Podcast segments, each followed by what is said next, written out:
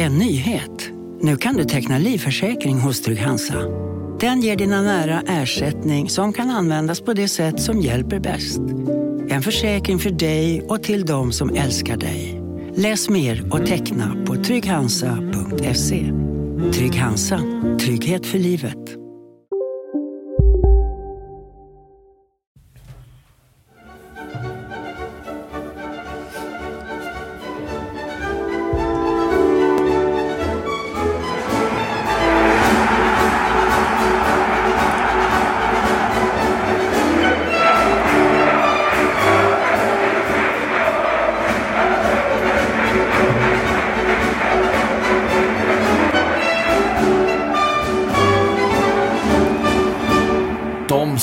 Kallade måste-matcherna avlöser varandra. Nästa måste-match för HIF är Varberg borta på måndag. Varberg som ju vann mot HIF i premiären.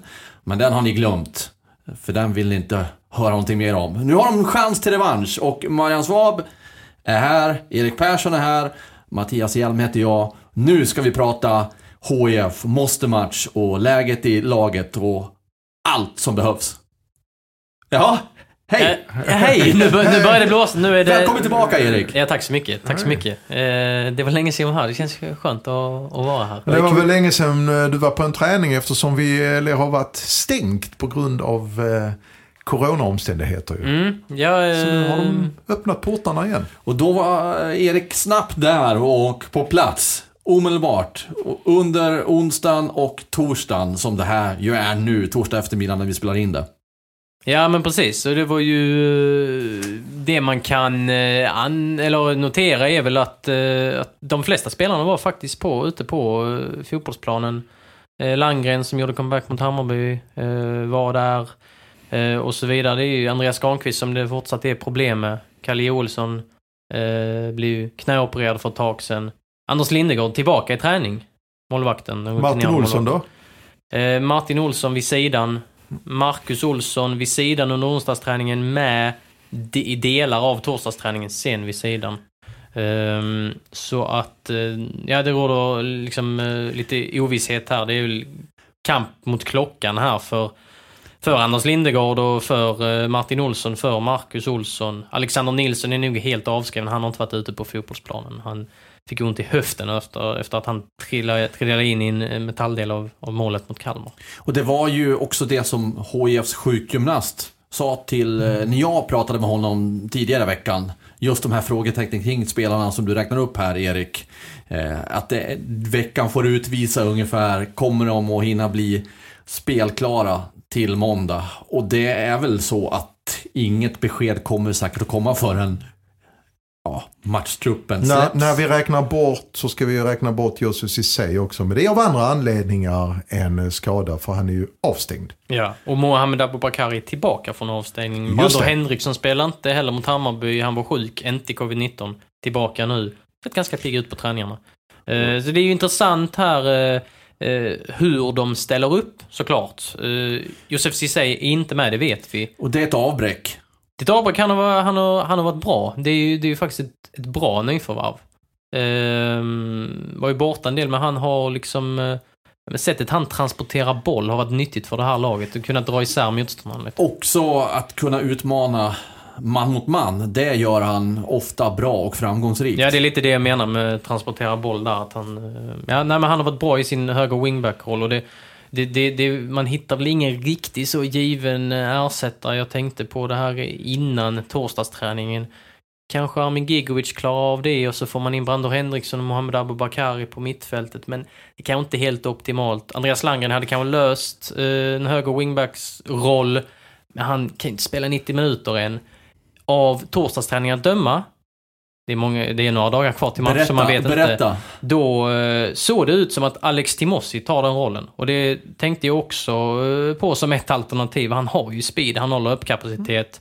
Frågetecken för defensiven dock. Men det han, innebär att Ravitsuka är helt borträknad i den här ekvationen. För...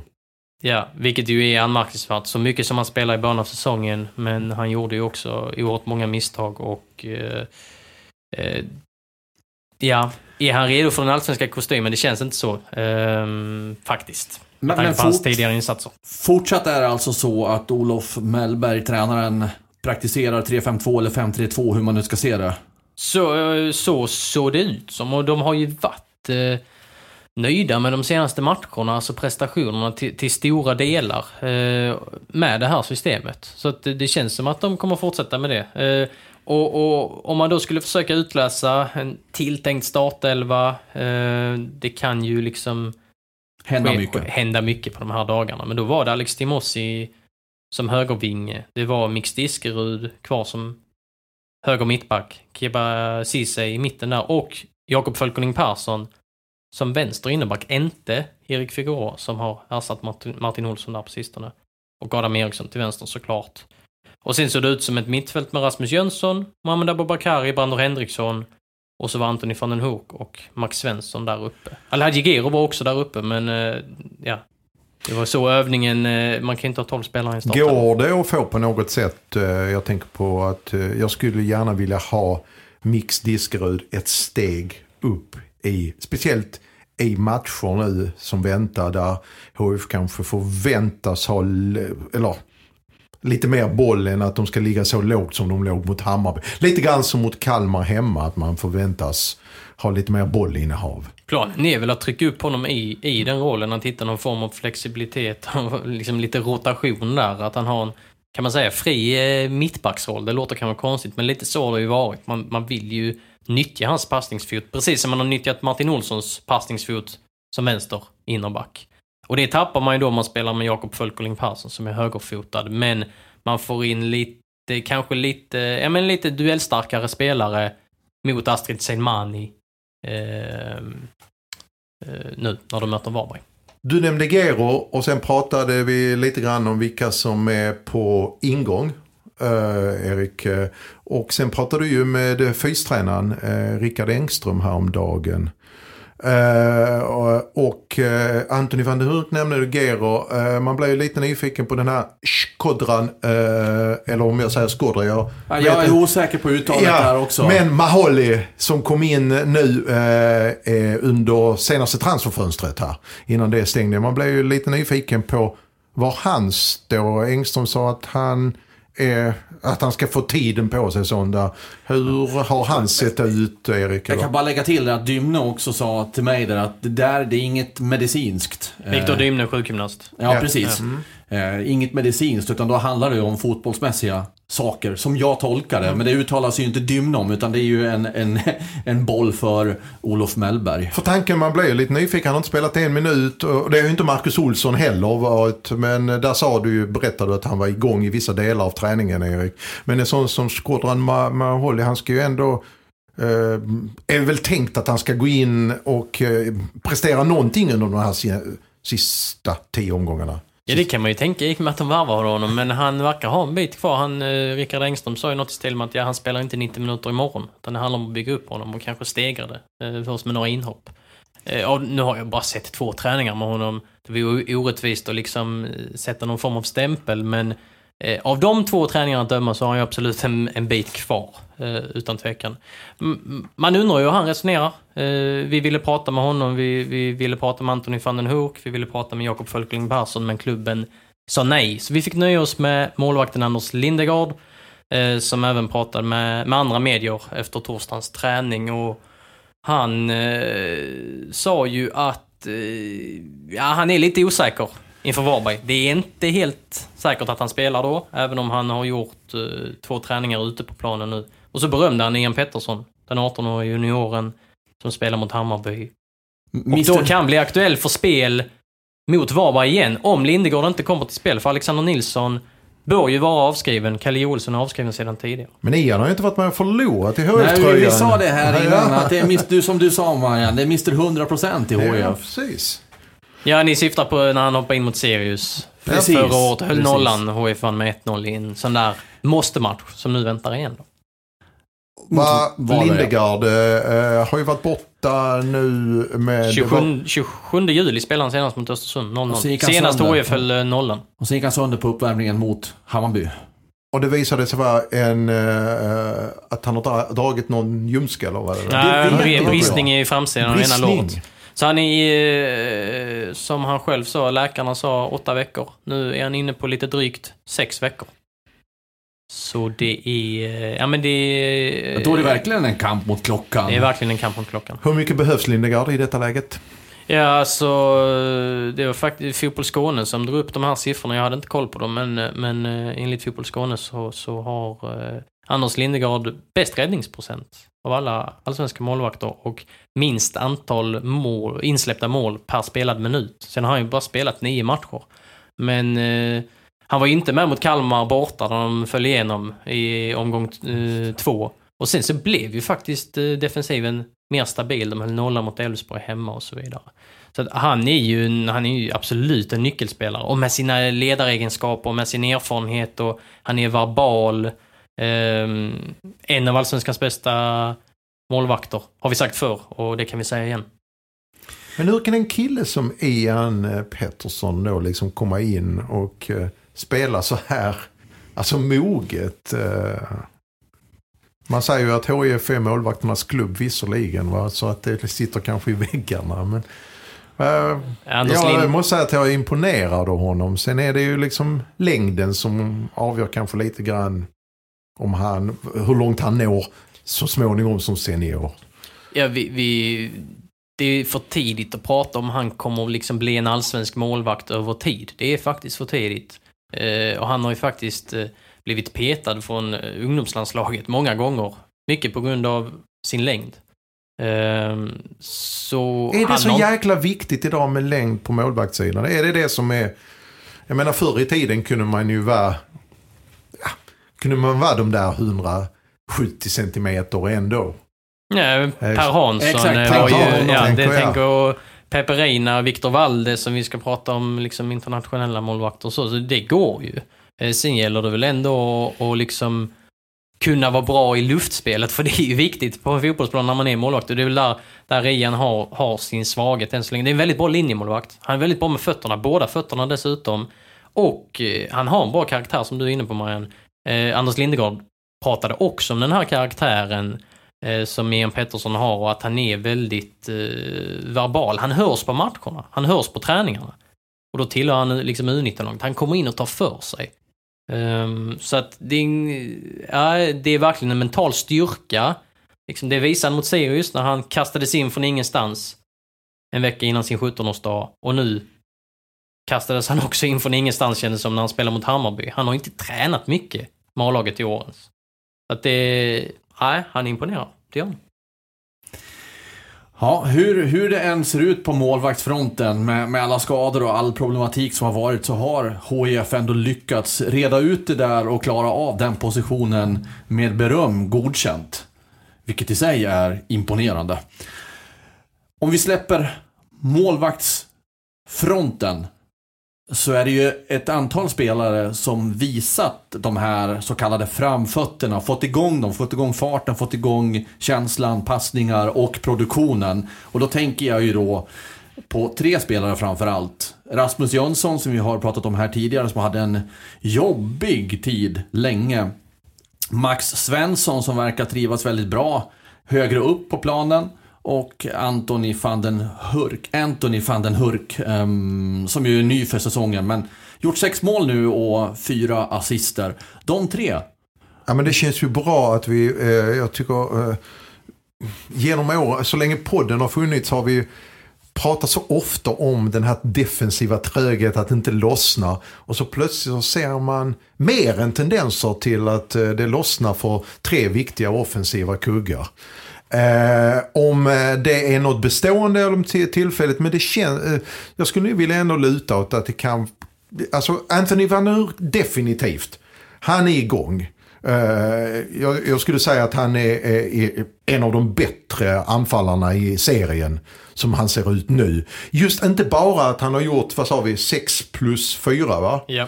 Uh, 10 poäng. Utan det är så mycket annan nytta han gör i uh, spelet som mottagare oerhört stark. Jag tror inte det är någon eh, mittback, oavsett storlek i serien, som han inte kan matcha mot. Om, jag, om, ni, om ni förstår vad jag menar. Sen måste jag säga att det som imponerar mig eh, hos honom är att han har egentligen fått ställa om helt från den forward han var i eh, Nederländerna. Där var han en utpräglad boxspelare. Han skulle vara där inne, avsluta, avsluta, avsluta. Nu har han blivit en mer än framspelare. Jag menar den här eh, eh spelade fram till Max mot Kalmar hemma. Den här väggspelaren han har. Äh, äh, alltså han är ju mer involverad utanför straffområdet har han blivit i Sverige än vad man har sett på de klippen som har varit från eh, Nederländerna. Det tycker jag är intressant. Ja, och oerhört slitstark. Han, eh, liksom, det är ganska underskattat, men han fixar fram ganska många fasta situationer och är en riktig lagspelare. Det var han ju i Nederländerna också, där var han lagkapten, men mot Hammarby här senast kunde han gå ner som någon form av högermittfältare när det behövdes. Han, eh, ja, han, han är viktig för det här laget och så kan han bidra med med, med poäng som är så viktigt, som kan vara skillnaden Man kan på, leka med tanken vad han, man- vad han skulle kunna åstadkomma i ett lag högre upp i tabellen, någon av toppgängen där uppe. Om vi säger inte kanske de här, men eh, säg Häcken, Norrköping, sånt. Det skulle varit oerhört intressant vad han skulle kunna åstadkomma i poängväg där. Ja, det, det, tog, det tog lite tid innan han kom igång. Han var osynlig i vissa matcher. Han, han kändes inte så stark som han är nu. Eh, och Rickard Engström, assisterande tränaren med inriktning fotbollsfys, den långa titeln, eh, pratade ju också om att Anthony van den Hoek är bättre tränad nu än när han kom i våras. Ehm, så att, eh, han framstår ju allt mer som en, en, en forward av riktigt bra allsvenskt eh, snitt. Och den här anpassningen har också inneburit att han har bättre kontroll på att ligga på rätt sida gränsen. Tänker Ja, du på hans varningar? Ja. Ett, ett rött, fyra gula va? Ja, precis. Men eh, han är inte där nu och plockar på sig de här grejerna. Nej, och det, men det, och det gör ju, han var sjuk i någon match också. Han har spelat 17 matcher och gjort 10 poäng på 17 matcher i ett, i ett bottenlag. Det, det är bra Låt vara att det är några straffar där. Ja, absolut. Det är väl två straffar eller, och så en retur. Han missar väl en straff och en, retur om jag inte tänker helt fel nu. Men absolut. Men det, det, det är bra siffror. Det känns som att det kommer komma mer. Förra året var ju Max Svensson målbäst i HF med sju mål. Känns Ja, som det att Anthony kommer van den att kommer göra fler. Ja, det känns så. Rasmus Jönsson då? Den uh, utvecklingen, den... Den utvecklingen är intressant. Det är väl, alltså bilden av Rasmus Jönsson, det är lätt att se honom som, ja men han Uh, ja, men glider runt där och är lite skön och, och liksom gillar mellanrummet där, nummer 10-rollen och så. Nu har han ju faktiskt varit någon form av box-till-box mittfältare. Eh, spola tillbaka mot Kalmar i 51 minuten när han drar liksom en 50 meters rush och, och liksom hindrar ett friläge från en Kalmarspelare i eget straffområde. Eh, det är Rasmus Jönsson här och nu i de senaste matcherna. Han har, han har faktiskt visat en löpkapacitet som man inte har sett tidigare. Inte, som inte jag har liksom anammat till. Men är det så man ska använda honom? Just nu funkar det ju. Nej, jag, bara, ja, det- jag håller med. Men jag, Och, och med tanke på så som de spelar just nu så är det då är det Max Svensson, formstark. Anthony van den Hoek, formstark, som är där uppe då. Vill man ju ha in Rasmus Jönsson, Rasmus Jönsson, eh, det är ingen wingback. Var ska han spela? Ja, då blir det ju någonstans på mittfältet där. I en ganska framskjuten roll, men också, ja. Jag skulle säga att det är en box-till-box mittfältare just nu. Och han var lagkapten för första gången i seniorkarriären, sen, eh, seniorkarriären senast också. Så det är ju en av spelarna som måste steppa upp här nu när det kommer att blåsa under hösten. Det kanske har varit en väg in för honom till formen också att, att springa ännu mer än vad han har gjort tidigare.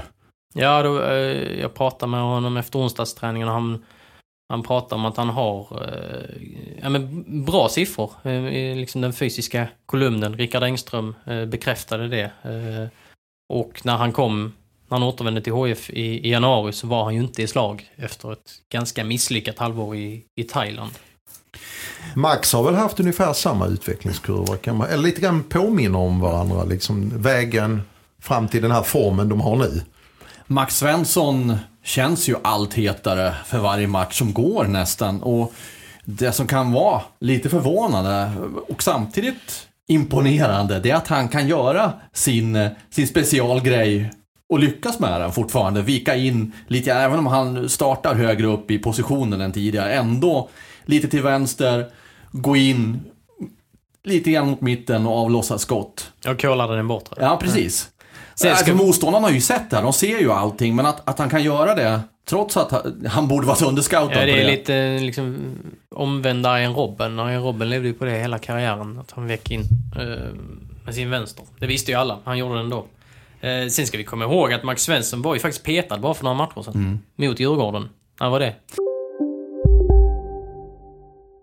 Har du också valt att bli egen? Då är det viktigt att skaffa en bra företagsförsäkring. Hos oss är alla småföretag stora och inga frågor för små. Swedeas företagsförsäkring är anpassad för mindre företag och täcker även sånt som din hemförsäkring inte täcker. Gå in på swedea.se företag och jämför själv.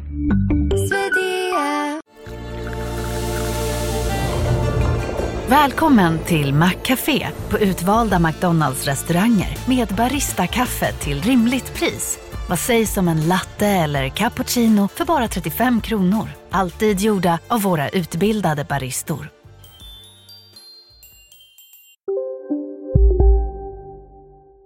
30 augusti typ. Så att han har Ja, ju... precis. ja. Det var ju innan landslagsuppehållet och sen så... Men han har ju gett svar på tal eh, Ja, i de här matcherna. Sen Mot- kan, mot kanske Kalmar det där också. kommer någon dipp. Eh, Det, det, det, liksom, det är väl bara två matcher här nu när- när man har känt att Max Svensson är tillbaka på riktigt. Men det gör ju också att man känner att han kommer bygga vidare på detta. Jag tror han har varit lite grann också känt liksom att eh, det, man måste ju säga utifrån det ni säger. Du måste vara på en extrem hög nivå för att du alltid kan leva på en och samma grej. Han har ju varit... Han har gjort mer än det ska sägas. Ja, precis. Det är, han inte, är- det är inte så jag menar, att det är bara det han Nej, kan. nej, nej. Men det, du har rätt en poäng i det Mattias eftersom eh, han använde samma grej med framgång i fjol, eh, match efter match. Och sen hade de andra läst på om honom, givetvis. Men det har tagit lite grann tid innan han har hittat också det här samspelet med framförallt Anthony van den Hurk. Som nu spelar fram Max till första målet mot Hammarby borta. När Max går på första stolpen. eh, eh, i Och den här också det som du nämnde mot Och Kalmar. det mot Kalmar när han har, har lite grann andra möjligheter än att alla vet att han kan det här med att gå in och curla den i bortre. Men nu så har han ju fått också Anthony lite grann, lite, att de har hittat varandra. Just det här med att han kan släppa bollen på en snabb, sticka mellan ytterback och mittback och få tillbaka den av en jävligt skicklig spelare som Anthony van den Hurk. Han har hittat de här kombinationsspelaren och då helt plötsligt så har han fått en ny dimension i spelet och det tror jag liksom har varit lite grann aha-upplevelse från ah, det, det, för det kan kännas liksom alltså att det går så jäkla tungt. där.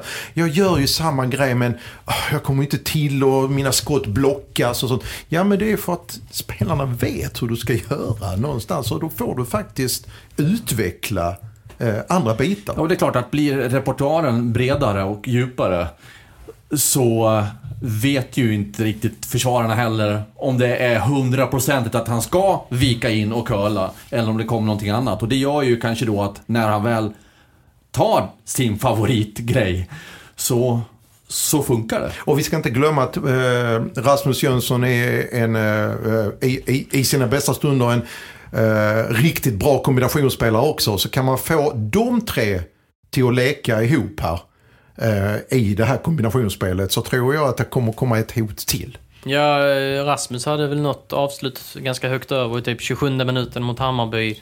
Eh, Jag tror det var kombinationsspel med Max Svensson, så där såg man tendenser på det. Så att, absolut, den här trion, eh, hittar de lite kemi tillsammans så eh, har HIF mycket vunnet. Och det finns ju också en, en del av kemi i hela vänsterkorridoren när Adam Eriksson finns där och, och jag tänker också på det målet mot Kalmar. Eh, Det var ju Adam Eriksson var ju högst involverad i det när han spelade framåt där. Eh, Så Adam Eriksson och Max Svensson har ju en slags kemi där också när Max befinner sig mer utåt vänster. Som jag har sett i alla fall. Ja, de har ju spelat tillsammans länge. Liksom när HIF har kört 4-4-2 eller 4-2-3-1 så Det- tidigare också. Ni hörde, vi pratar om väldigt många, många bra bitar och jag håller med om alla de här bitarna har sett bra ut. Grejen är ju den alltså att det kommer periodvis, stötvis i matcherna. Mot Hammarby, en halvlek i andra halvlek då. Eh, mot Kalmar tappar de helt. Med Martin bit- Olssons, eh, Ja, jag tyckte det var innan Martin Olsson gick ut att man redan såg tendenserna till att det fanns eh, lite, liksom, jag, ja. det fanns lite grann. Men man tappar ju allt ju. Ja, det gjorde man. Så att, eh, alltså de här, få ihop de här 90 minuterna blir ju, eh, ja men det är ju helt avgörande på hur det ska se ut. Med tanke på spelprogrammet nu, om vi säger närmast Varberg, Östersund, Mjällby, om vi börjar där. Ja, innan landslagsuppehållet då. Ja. Och det är ju tre... Jag, inledde ju med måste-matcher och det, det är ju faktiskt på sätt och vis alla de här tre. Alla matcher är ju det, men det är ju en viss förväntan att kliva in i, i spel mot Malmö FF, Häcken, topplagen. Eller att kliva in till spel mot Varberg, som har gjort det väldigt bra. Östersund som verkligen har gjort det väldigt bra också med tanke på deras förutsättningar. Och Mjällby som också gjort det väldigt bra. Ni fattar vad jag menar. Ja. Här är det tre måste-matcher i en annan bemärkelse. Eh, där poäng måste plockas. Det är mycket måste här nu. Falkenberg är ju verkligen... Varberg kanske är ett mittellag. Vi kan väl se dem som ett bottenlag bara för att de inte har så slagkraftig trupp på, på pappret. Men, men typ som Falkenberg som verkligen, verkligen är där nere. Det, alltså, det gäller ju att vinna mot rätt lag. Det gjorde ju HIF förra året när de vann de här sexpoängsmatcherna. Ja, då får HIF poäng och konkurrenterna i bottenstriden får inte poäng. Bra matematik om man vinner de matcherna. Och det, det var ju faktiskt Olof Mellberg inne på efter Kalmar-matchen att man har inte vunnit mot de här lagen, så kallade, ja, hur han nu uttryckte det, men lagen i botten och, och att HIF också befinner sig där i hierarkin just nu då.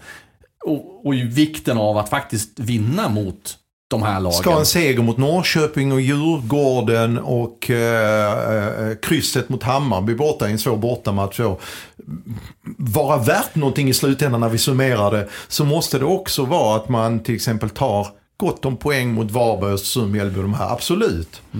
Och Erik, eh, det här att prata om att Varberg är ett mittellag, så är det ju. Innan, innan Varberg då har spelat matchen mot Falkenberg, som spelades under den här torsdagskvällen, så, så har jag alltså Varberg 26 poäng på en åttonde plats då. Och det är ju 8 poäng mer än HIF på kvalplatsen på eh, ja, plats 14. Och då har Varberg då en match mindre spelad just nu. I detta nu. Eh, HIFs närmaste lag ovanför är AIK på 18 poäng också, precis som HIF. AIK har en match mindre spelad. Göteborg har 20 poäng då och sen är det faktiskt ett hopp upp till Örebro till eh, 24 poäng. Så eh, det verkar ju utkristallisera sig mer och mer nu att det är det är Kalmar, det är HIF, det är AIK, Göteborg som det har varit tidigare. Men det känns mer och Falkenberg. mer så. Förlåt? Falkenberg. Ja, Falkenberg. Men de, de har ju... Sladdar ju lite grann nu. De ja, fast verkligen. de kan ju komma... Ja, jo, absolut. Ja, men de ju med någon seger där så är de ju inte eh, mil ifrån de andra Nej. Så är det ju. Men... eh, Hasse, Hasse Eklund eh, brukar få igång sina lag eh, till slut ändå. De brukar ju reda ut det här. en bra poäng där. Man ska inte räkna bort Falkenberg. Man ska aldrig räkna bort Hasse Eklunds lag faktiskt. Jag tror inte man ska räkna bort eh, både AIK och Göteborg från den här kvalstrecksstriden. Nej. Eh, det är Det brukar vara en elefant. pallar, pallar de här storklubbarna, båda de här två storklubbarna, den här pressen som kommer nu här under de senaste... Någon elefant brukar ju gå genom isen. Den är, om vi nu pratar liksom eh, utsatt läge för HIF så är det ju faktiskt, pressen är ju enorm på de här två klubbarna också. Göteborg Alltså tänk AIK. vilka klubbar som är där. Alltså. Ja. IFK Göteborg, AIK, HIF. Kalmar vann guld för eh, 12 år sedan också, vilket det är väldigt lätt att glömma. Det är helt otroligt. 12 år är ju nästan en neod i, en neon av tid i eh, moderna tider. Jo, absolut. Det, det, det är ju, Kalmar FF är ju ingen gigant, men det är ändå liksom anmärkningsvärt hur det kan svänga. Sen ska man veta att det här, de här tre matcherna innan uppehållen som vi pratar om, eh, innan landslagsuppehållet. Det är alltså riktigt lömska matcher. Varberg, Östersund, Mjölby. För mig är de på pappret alltså lika tuffa, svåra som en bortamatch mot eh, eh, ett Hammarby som jag tycker inte har imponerat i år. Särdeles. Alla var liksom, jag, jag, jag var ganska säker på att HIF skulle göra en bra match uppe i Stockholm. Eh, när jag såg eh, HIF startelva. Men här med Varberg, Östersund och Mjällby och, och, och det kommer bli en annan sorts match, eh, matcher. Det, det, det, ja, jag känner att det är riktigt tuffa uppgifter de har framför sig. Vad, vad tror ni? Hur många poäng kommer HIF att behöva ta på de här tre matcherna sen när man ska summera hela allsvenskan? Fem segrar på de här tio matcherna kanske, Ja. ungefär. Det är, jag är med Erik där, det är, du måste ta varannan här nu. Om, om vi nöjer oss med bara de tre kommande matcherna innan landslagsuppehållet då. Nio poäng. Hur många poäng där? Är det 50% där också? Fyra, fem, fyra poäng? Alltså vad man mer. behöver eller vad vi tror. eller? Ja, vad, vad, ni, vad ni tror att HIF kommer att behöva i slutändan. Ska man ha dem där uppe mot eh, 30-32 poängen så måste det bli åtminstone 6 i de här matcherna. 6, helst 6-7 någonstans där. Du tror det kommer att behövas sen när man Ja, i de, i den, tabellen? i, med, med de här. För alltså det är, eh, och sen som sagt var liksom var, var, det är som vinna rätt matcher. Uh, Varberg, Östersund, Mjällby. Ja men det är ju de här sortens matcherna som du måste ha poäng i. Sen eh, har ju de här Varberg har skaffat sig en jättefin buffer. Mjällby kan ju nog fortfarande uh, hamna pyrt till det. Och Östersund, de är ju oerhört svårslagna. De har visat sig vara det. Ja, precis. Så att jag tycker de är väldigt lömska de här. Men eh, bottenstriden, jag, jag tror det allt kommer att leva in i uh, uh, det, uh, slutomgången. Där HIF då åker till Norrköping. Eh, jag tror den matchen kommer att betyda eh, allt för HIF. Falkenberg hemma i näst sista omgången. Ja, de två matcherna. Det är, ja, precis. Ja, det, det låter ju svettigt och spännande. Man undrar ju om eh, HIF eh, tränarstab eh, har börjat kika på eventuellt få förbereda. För det får man, får man ändå göra någonstans. Titta på superettans toppstrid. Vem som Det är kan väl ungefär den här tiden som det, det är dags för det va? För man ska ut och scouta eventuella kvalmotståndare, om det nu blir kval då. Och som det ser ut nu så är ju Degerfors i topp. Degerfors har gjort en imponerande säsong så här långt i Superettan. Halmstad, en klassisk klubb, ligger på andra plats. 40 på Degerfors, 37 poäng på Halmstad och sen Jönköping trea på 32 och sen Akropolis Öster har 30 poäng. Så i dagsläget är det ju Jönköping som är på den där kvalplatsen. Mm. Som blir, Jönköping. Han Ja. spelar Mustafa Seidan, Helsingborgaren. Ex-HIF-an. ja, Mm. det gör han. Där är en del eh, ex-HIF och Helsingborg i Varberg också på måndag. Ja, det är ju en hel drös. Ja. Vad, vad hittar vi där? Vi hittar ju tränaren Jocke Persson. Ja. Jätteprofil. Martin Mm, Pringle. Martin Pringle som är sportchef, ja. Och sen på planen hittar vi ju Robin Bok som är från stan här. Jon Birkfeldt. Utlånat ska dock sägas bo, eh, bok från Örebro va? Ja, precis. Lämnar ju Varberg för Örebro i vintras. Ehm, Jon Birkfeldt som har åkt ur Superettan typ tre år i rad. Ehm, och uh, hamnar i Varberg nu och i ordinarie Allsvenskan. En häftig resa. Eh, jag har hört eh, från något håll att han ville hålla igång med HF i vintras men eh, då fick han kalla handen. Eh, intressant. Eh, Jonas Barney, också en sån som var klubblös länge. Det var ett helt, ett helt år där. Han hade sin försäsongsträning i ensamhet på Filborna och sen klev han av planen så klev HF in. Eh, nu ska han ställas mot det laget. Eh, har inte varit önskvärd i, i HF trots att han eh, eh, bor i stan. Och eh, han har faktiskt varit riktigt bra. Eh, Det sen korttidskontrakt han i Varberg ska, Varberg. ska Ja. jag säga. Men han har väl nästan redan betalat av sig för han avgjorde väl någon match. Var det Ja, Sirius hemma på Ja, övertid? han har haft både mål och assist och Ja. varit, varit, legat bakom det mesta. Han Men har han var har varit bra i bra. Göteborg Erik, eh, och Mattias innan han eh, gick sönder. Ja, absolut. Han- han- men, men det var ju en sittande mittfältsroll. Nu är Ja, han det tillbaka det, ja. i liksom, AFF-rollen där han hade Jocke Persson som tränare och spelar forward slash tia. Och, eh, han har sett riktigt bra ut. Han höll ju, har ju mest hå- hållit igång med Högaborg Ja, och sen har vi lagkaptenen. I Varberg. Ja, ja. ja, Vad tyst det blev. ja det, det blev väldigt tyst. Astrid Selmani, ja. Jajamän. För, för fyra år sedan, vad gjorde han då? Sätter vi Eh, den? Nej, AFF va? Ja. Nej, Bänken. Sex inhopp. på, i AFF. Ja, han fick vara glad om han hoppade in i 87 typ. Och nu är han ja, skyttekung i Varberg och uh, lär Och då- gå till någon större klubb efter Och säsongen. då var han ändå skadad i början när han kom igång så pass bra. Han gjorde väl två på Olympia här bland annat. Ja, Eh, och sen blev han skadad så han har inte spelat alla matcher heller ju. Nej. Nej, han har... det- Apropå, vi snackade om Anthony van den Hoek innan. eh, Vill se honom i ett, eh, i ett topplag. Ja. Detta är ytterligare en forward som man hade velat se i ett topplag. Hur många mål hade det blivit då? Men han kommer väl snarare säljas till utlandet, tippar jag. Om han inte, eh, höll på att luften går ur honom helt här på slutet. Ja, det, är, det är ju absolut eh, aktuellt både med utlandet och allsvenska toppklubbar. Det är väl en det tvåsiffrig miljondeal vi pratar om där som Varberg, eller en affär Varberg kan göra. Eller? Kanske. Kanske. Det, han, är ju, han är ny på den här nivån. Uh, Mm. Har ju liksom uh, mest hållit till i division 1. Ja, nu och- pratar jag och inte om så, men- 20 miljoner eller något sånt där, för de pengarna finns inte idag heller. Liksom, de klubbarna som kanske är aktuella. Men någonstans en bit ovanför 5 miljoner, kanske upp mot 10. Ja, kanske hyfsad ålder. Han är född 97. Uh, öser in mål. Ja, jo. Oavsett vad så får man ändå säga, eh, för att summera det, att Varberg har gjort det väldigt starkt utifrån sina förutsättningar och ligga där man ligger i tabellen och spela som man gör. Ja, och det är liksom... Alltså, kolla vilka värvningar de gjorde i vintras. De plockade två spelare från Tvååker, en från Skövde. Varav och- den ene från Tvååker gjorde mål, mål nere på Malmö stadion. Ja, men precis. Gustav Norlin Ja. gjorde mål på... Som kom från Skövde, gjorde mål eh, mot HIF i premiären. Premiär, Ja, det, men det har varit spe, spelare som gjort skillnad. Ja. Det gäller att hänga Eh, med Okej, här. men då kan vi ju lämna den tredje också. Eh, Vinbo som gjorde mål mot Mjällby nu bara för någon omgång Ja. sedan.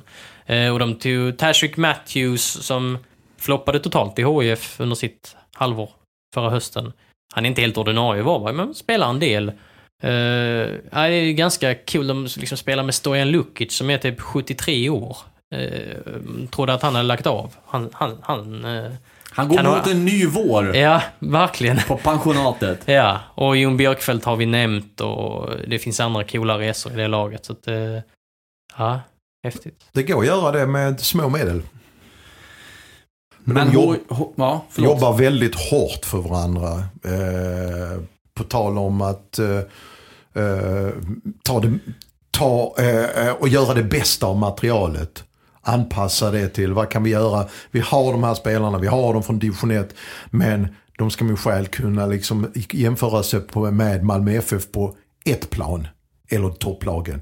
Vi ska fan ta med jobba och springa lika mycket. För det kan alla göra. Det är inte lönekuvertet som avgör det. Ja, och scouta rätt. Eh, vilket de ju har gjort med, med många, många varvningar här. Och liksom tittat på division 1-hyllan och så och, och hittat, eh, hittat fynd. Men det ska ju bli spännande då också att få se ett HIF som kanske är så gott som skadefritt.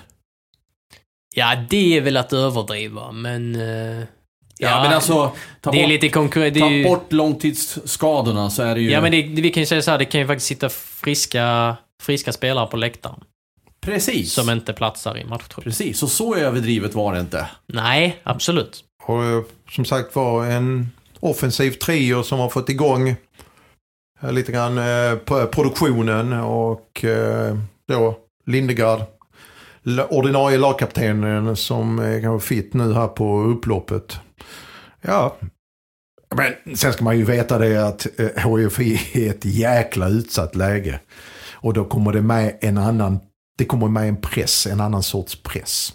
Och då är det ju också. viktigt att ha de spelarna som Lindegard och Ja. Martin Olsson är skadad nu. Vi får se när han kommer tillbaka och sen har han ju ett kontrakt som går ut eh, snart också. Så att det är viktigt, och, viktigt att få tillbaka till Lindegård och väldigt viktigt att, att få tillbaka Martin Olsson och att han stannar i klubben. För efter uppehållet sen är det ju väldigt tuffa matcher på pappret, det ska man ju veta. Så det är, vill ju till att man tar gott om poäng här. Ehm, helst- man vill ju bara se matcherna nu. Ja, och Ja. väldigt viktigt att Andreas Granqvist kommer tillbaka också, ska vi nämna. Och när är det nästa hemmamatch? Då är vi inne i oktober. Eh, nu sätter du mig på jo men det är vi nog. Jag kan Hemma datumen. Östersund, det måste vara i oktober. Då kanske vi får... Nej, det är Nej, faktiskt men 27 det är väl, september. Ja, det är 27 september. ja. Jaha, Ja. då får vi inte, för jag hade tänkt om det var inne i oktober i så fall. Just det, det är, och sen är det Mjällby borta. Då får vi vänta tills efter landslagsuppehållet när vi kanske ser publik på Olympia igen. För att den första oktober ska det tas beslut om den här 500-gränsen. Va? Ja, om det nu... Vi väntar ju på besked fortfarande. Jajamensan. Från regeringen. Mm. Och det undrar man ju när det ska komma. Första oktober är det ju sagt att eh, där var någon deadline-gräns där remissvar, samtliga remissvar är väl inne nu för behandling och det ska väl komma någon slags besked efter det. Så att efter Östersund, eh, när man har då den hemma, så kan det bli åtminstone 500 eller kanske fler på Olympia. Vi får väl säga tack så mycket för den här veckan till er som har lyssnat. Och så återkommer vi med ett nytt avsnitt nästa vecka då vi ska snacka ner Varberg HIF och snacka upp andra matcher. Det är väl så vi brukar göra. Ja men, ja, sen vet jag inte om eh, jag och Erik är här på plats. Men någon av oss, kanske Sebastian är tillbaka. Ja, det vet, visar sig vilken uppställning vi har. Ja, vi har bred trupp vi också. Ja, hörni ni, ha en eh, skön helg nu, så bra ni bara kan. Och njut av livet. Vi hörs, hej!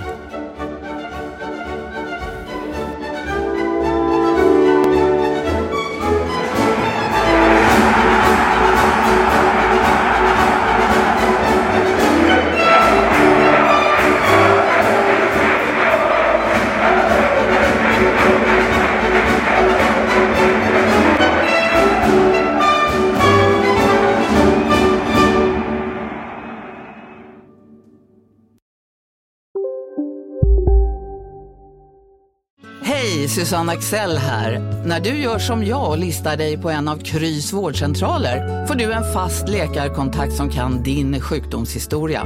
Du får träffa erfarna specialister, tillgång till lättakuten och så kan du chatta med vårdpersonalen.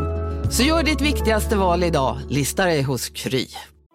Hej Sverige! Apoteket finns här för dig och alla du tycker om.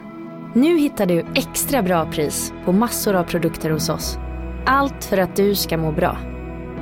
Välkommen till oss på Apoteket.